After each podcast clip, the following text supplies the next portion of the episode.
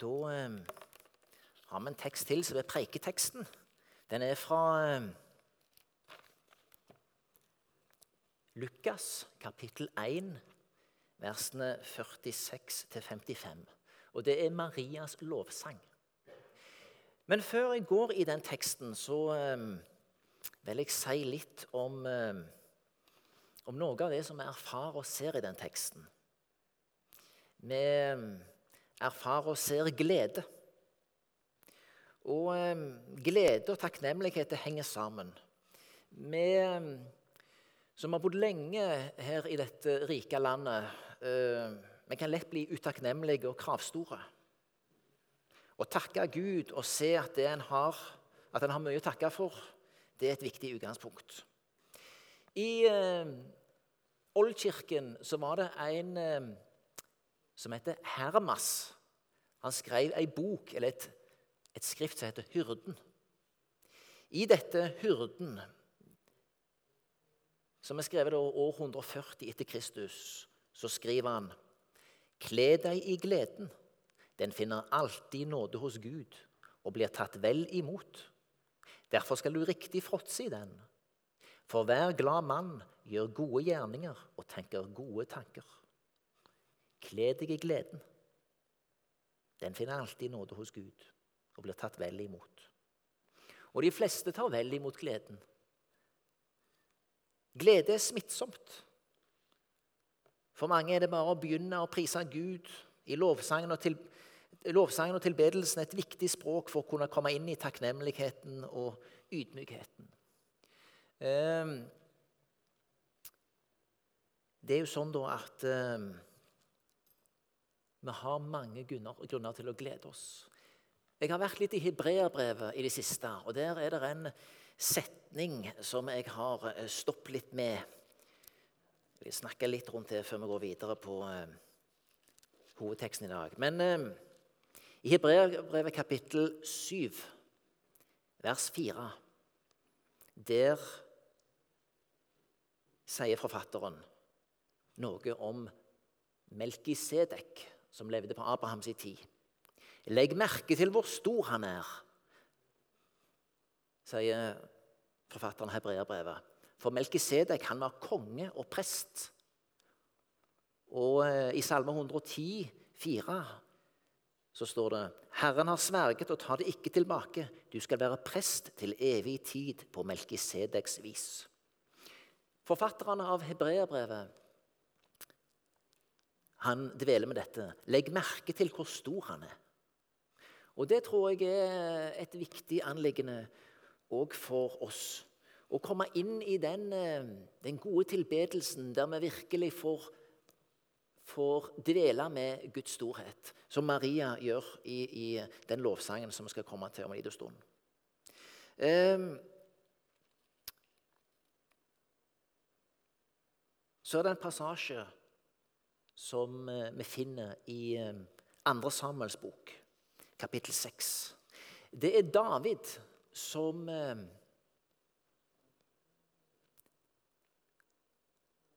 har inntatt Sion eller Jerusalem. Han har tatt over Jerusalem fra jebusittene. Han har overvunnet jebusittene, og så har han kommet til Jerusalem. Denne Melkisedek, som var nevnt i hebreerbrevet, han eh, var konge og prest i Salem. Salem betyr fred.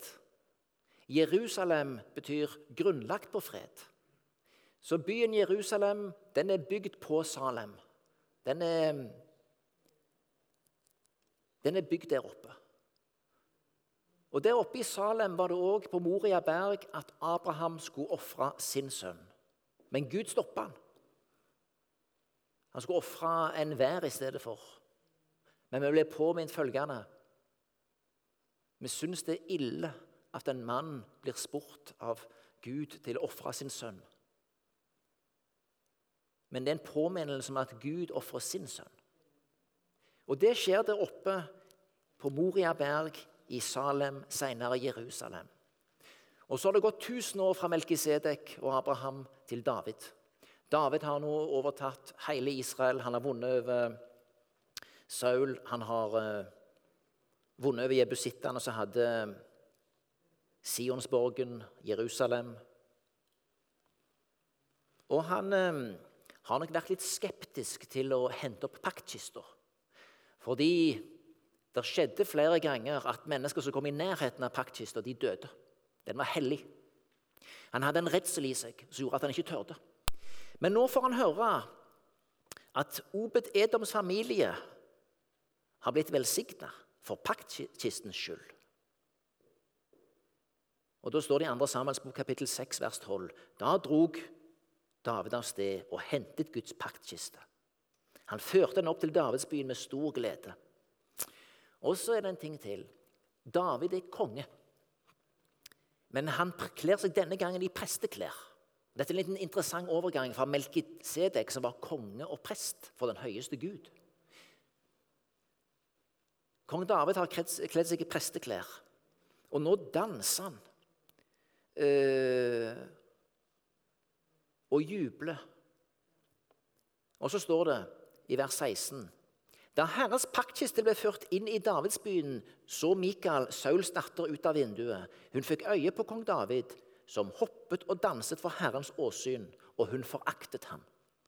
Dette er litt interessant, for av og til skjer det når noen virkelig tar av, så blir noen litt flaue og forlegne på deres vegne.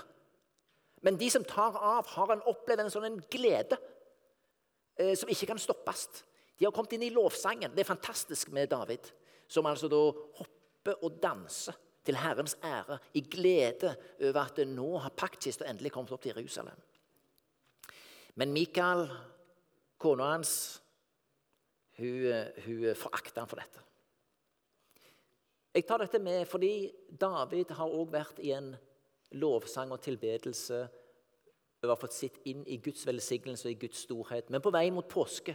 Vi skal eh, feire påske. Vi skal feire dette at det er gått fra et offer ved paktkista, den store soningsdagen, der ypperstepresten går inn i det aller helligste og gjør soning for folkets synder ved soningsstedet, ved paktkista, til eh, Jesus. Men på denne veien her så har altså da eh, David henta opp paktkista. Hans sønn Salomo bygger tempelet. Dette peker også fram mot den Davids sønn som skal bygge det nye tempelet, Jesus Kristus. Vi tar bare det med oss òg. Så er det jo da sånn at eh, teksten vi har for oss i dag, det er Marias lovsang, og vi leser den sammen. Lukas 1, kapittel, eh, kapittel 1, vers 46-55. Da sa Maria, min sjel opphøyer Herren, og min ånd fryder seg over Gud, min frelser. For han har sett til sin ringetjenerinne. Fra nå av skal alle slekter prise meg salig. For store ting har han gjort mot meg. Han den mektige, hellig er hans navn. Hans miskunn varer fra slekt til slekt, for dem som frykter ham. Han gjorde storverk med sin sterke arm. Han spredte dem som gikk med hovmodstanker, og støtte herskere ned fra tronen. Men de små opphøyet han. Han mettet de sultne med gode gaver, men sendte de rike tomhendt fra seg. Han tok seg av sin tjener Israel, så han kom i hu sitt løfte til våre fedre, og viste miskunn mot Abraham og hans ett til evig tid.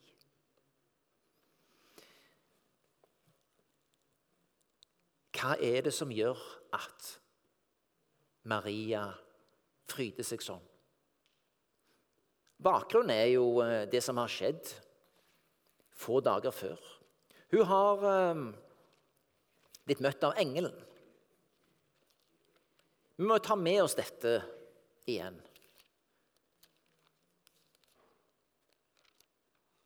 Engelen har kommet til henne og har fortalt at uh, hun skal bli med barn. Du skal bli med barn og få en sønn. Du skal gi ham navnet Jesus. Og Så lurer hun veldig på dette. her. Hvordan skal dette gå til når jeg ikke har vært sammen med noen mann? Engelen svarte, Den hellige ånd skal komme over deg, den høyestes kraft skal overskygge deg. Derfor skal også barnet som blir født, være hellig og kalles Guds sønn. Og så sier engelen, din slektning Elisabeth venter en sønn, hun også på sine gamle dager. Det ble sagt at hun ikke kunne få barn, men nå har hun alt i sin sjette måned. For ingenting er umulig for Gud. Da sa Maria, 'Jeg er Herrens tjenerinne. La det skje med meg som du har sagt.' Hun var åpen for underet, hun var åpen for dette overnaturlige. Her oppe òg når hun sier eh, 'Hvordan skal dette gå til når jeg ikke var sammen med noen mann?' Så er det ikke det at du tviler på det, men hun lurer på hvordan det skal kunne skje. Hun har ikke vært sammen med noen mann. Det er litt forskjellig fra far til døperen Johannes, som noen måneder før hadde fått besøk av en engel. Zakaria. Han sier, 'Hvorledes kan jeg være sikker på dette?' Engelen svarte da, 'Jeg er Gabriel som står for Guds åsyn.' 'Jeg er sendt for å tale til deg og bringe deg dette gledesbud.' 'Men fordi du ikke trodde mine ord, skal du bli stum, så du ikke kan tale før den dagen dette skjer.' 'For det jeg har sagt, skal gå i oppfyllelse i sin tid.' Dette er litt interessant. Det er en veldig forskjell her. Og så er han jo prest. Han skulle jo ha stor tillit til Guds veier. Men ofte ser det ut for at uh, vi som uh, kanskje jobber på heltid i Guds rike, og, uh, sånn, vi har lagd våre skjema. Vi vet hvordan Gud skal handle. Vi er ikke så åpne for åndens ledelse. Vi har, vi har lagd i en pakke. Og så da er spørsmålet hvorledes kan jeg være sikker på dette? Det er interessant. Han plasserer seg sjøl i sentrum. Det er så annerledes enn en, denne 15 år gamle jenta Maria som bare spør hvordan skal dette gå til når jeg ikke har vært sammen med noen mann. Og Så sier hun til slutt, 'La det skje med meg som du har sagt'. Hun er åpen for dette. Men la oss dvele litt med det. Hun må jo etterpå ha vært litt sånn oppreven innvendig. Hun må jo ha vært litt sånn Wow, hva vil Josef si? Det må ha opplevd til å være en veldig sånn kaotisk og rar tid. Men noen få dager etterpå står det, så reiser hun opp til Elisabeth. Slektningen sin, denne voksne dama som nå var gravid. Og så skjer det noe veldig spennende. For når Maria kommer opp til Elisabeth, kun få dager etter engelen har sagt dette til henne, så ser vi noe interessant. Da Elisabeth hørte Marias hilsen, rørte barnet seg i hennes liv. Hun ble fulgt av Den hellige ånd og sa med høy røst.: Velsignet er du blant kvinner, og velsignet er ditt livs frukt. Hvordan kan det gå til at min Herres mor kommer til meg? For da lyden av din hilsen nådde mitt øre, hoppet barnet i meg av fryd. Og salig er hun som trodde at det Herren hadde sagt til henne, skulle gå i oppfyllelse. Jeg har ikke tenkt på dette før, men det er vel litt sånn Etter at Maria har hørt budskapet fra engelen Tenker hun, eller vet hun, at hun da er gravid? Jeg tror kanskje at hun ikke visste det. Hun har hørt det skal skje, men hun vet jo ikke når. Men når hun kommer opp til Elisabeth, så er det Elisabeth som bekrefter følgende. 'Maria, du er gravid.' Det er Maria som forteller at det allerede har skjedd. Og Det tror jeg må ha vært en utrolig sterk bekreftelse. En utrolig, en utrolig sånn, uh, sterk erfaring av at det jeg hadde opplevd, det var, jo, det var jo såpass spesielt at du kan etterpå lure på har det skjedd. Var det en drøm? Er det virkelig? Men Elisabeth bekrefter Maria, du er gravid.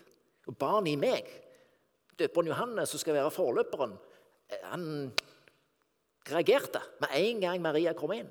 Det er et under. Og nå tror jeg Maria har fått den gode bekreftelsen. Dette er reelt. Dette er svære greier. Gud har invitert meg inn i noen store ting. Elisabeth kan bekrefte at jeg er gravid. Jeg har ikke sagt noen ting til henne. Hun vet det. Og så bryter lovsangen ut. Min sjel opphøyer Herren, min ånd fryder seg. Nå er hun ikke lenger engstelig for hva Josef vil si, selv om det òg er uavklart. Nå er hun ikke stressa for hvordan dette blir. Hun har nok en gang fått bekrefta at Gud er med i dette. her. Jeg må bare få lov til å legge mitt liv i hans hånd, og så vil han rydde opp.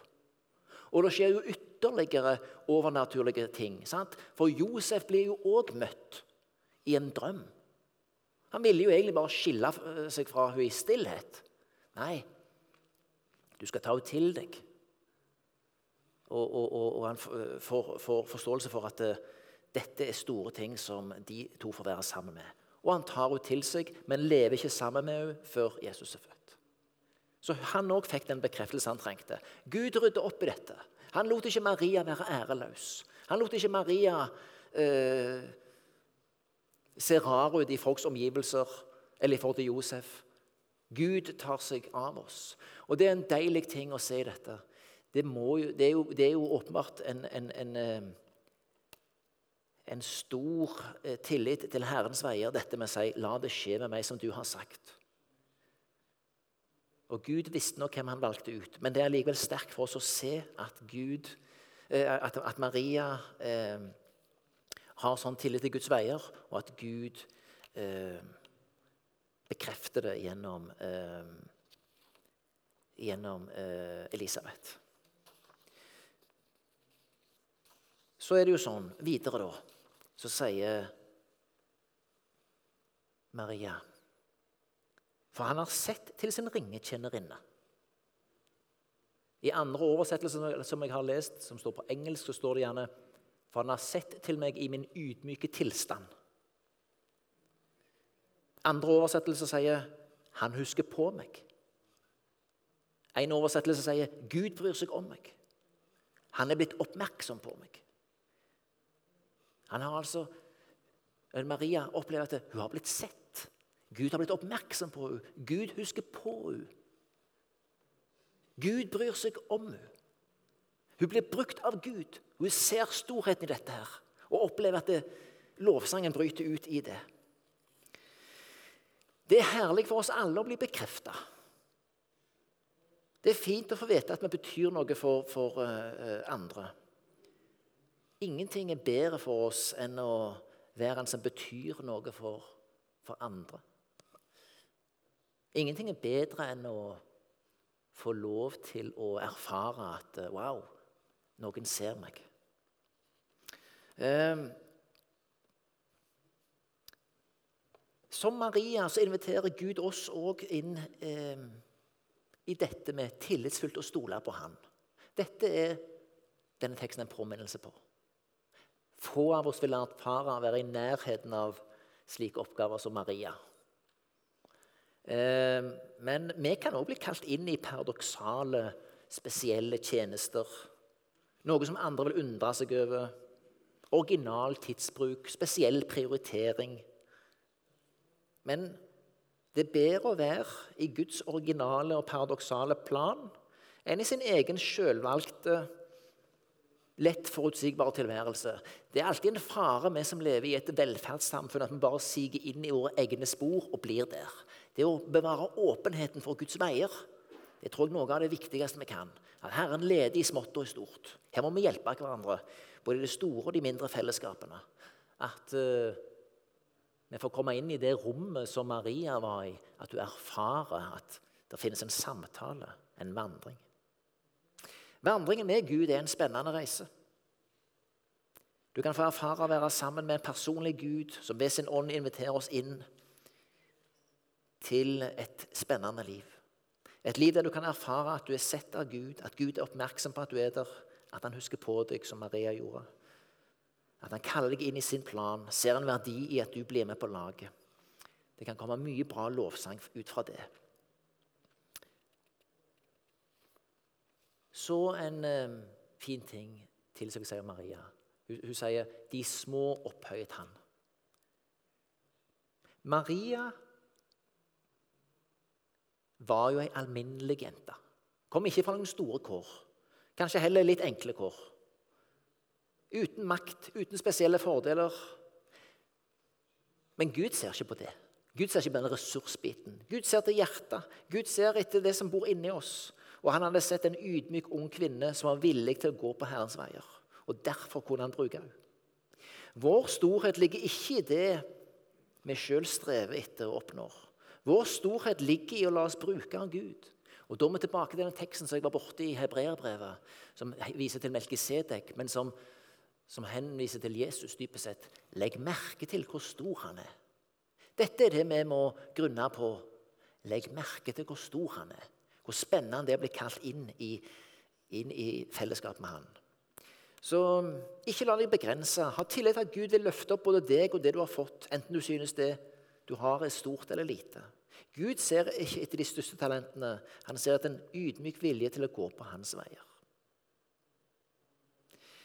Så vil jeg si litt fra den Jeremia-teksten fra kapittel 33, Jeremia, vers 15a.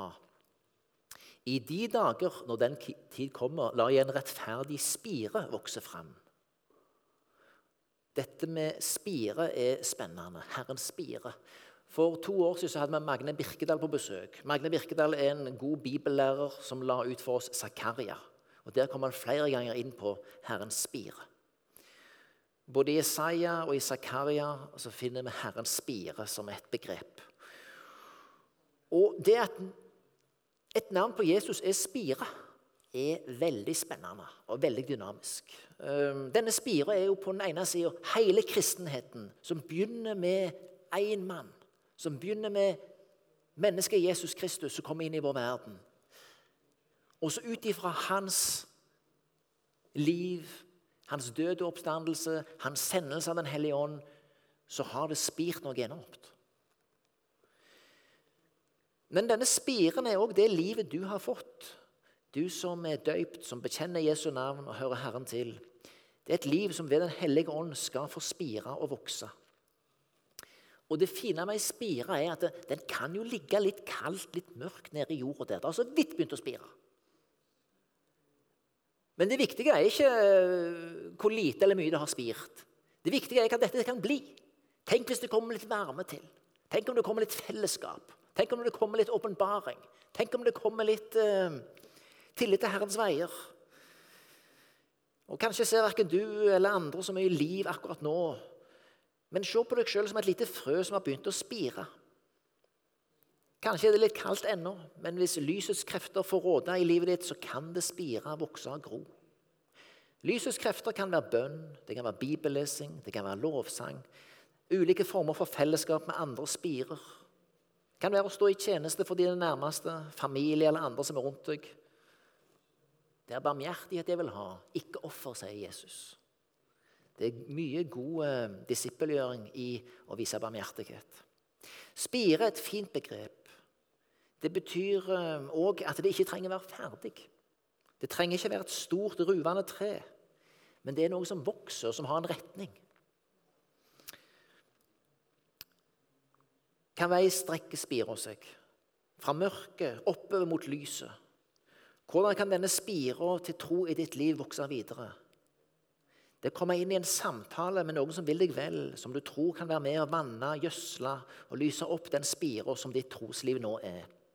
På sitt beste vil et kristent fellesskap, stort eller lite, kunne være til hjelp i å utvikle denne spiren. Ofte begynner det kanskje mellom noen få fortrolige som har fellesskap. Og For noen er det fellesskapet som allerede finnes i Gud ved Faderen, Sønnen og Den hellige ånd, som ikke skal undervurdere. Maria, tilbake til hun, er et forbilde og eksempel for oss i vandringen med Gud. Hun levde et spennende, krevende liv med solide opp- og nedturer. Hun vil for alltid stå som et eksempel for oss, både i ydmykhet, villighet, evne og vilje til å lytte til Gud i alle ting. Hun tok en risiko da hun sa ja til engelen. Forlovelsen med Josef sto åpenbart i fare. Hun stolte på Guds veier, at de var de beste. Lovsangen som vi har lest, kommer fra en person som har lært å kjenne Gud fra unge år. Hun kunne kjenne igjen Guds stemme og respondere positivt på den. Gjennom videre vandring så erfarer hun at Gud bekrefter tjenesten. Gudsberøringen og erfaringen av å få være i Guds plan skaper en lovsang i Marias hjerte som ikke kan holdes tilbake. En slik lovsang inviteres vi alle inn i.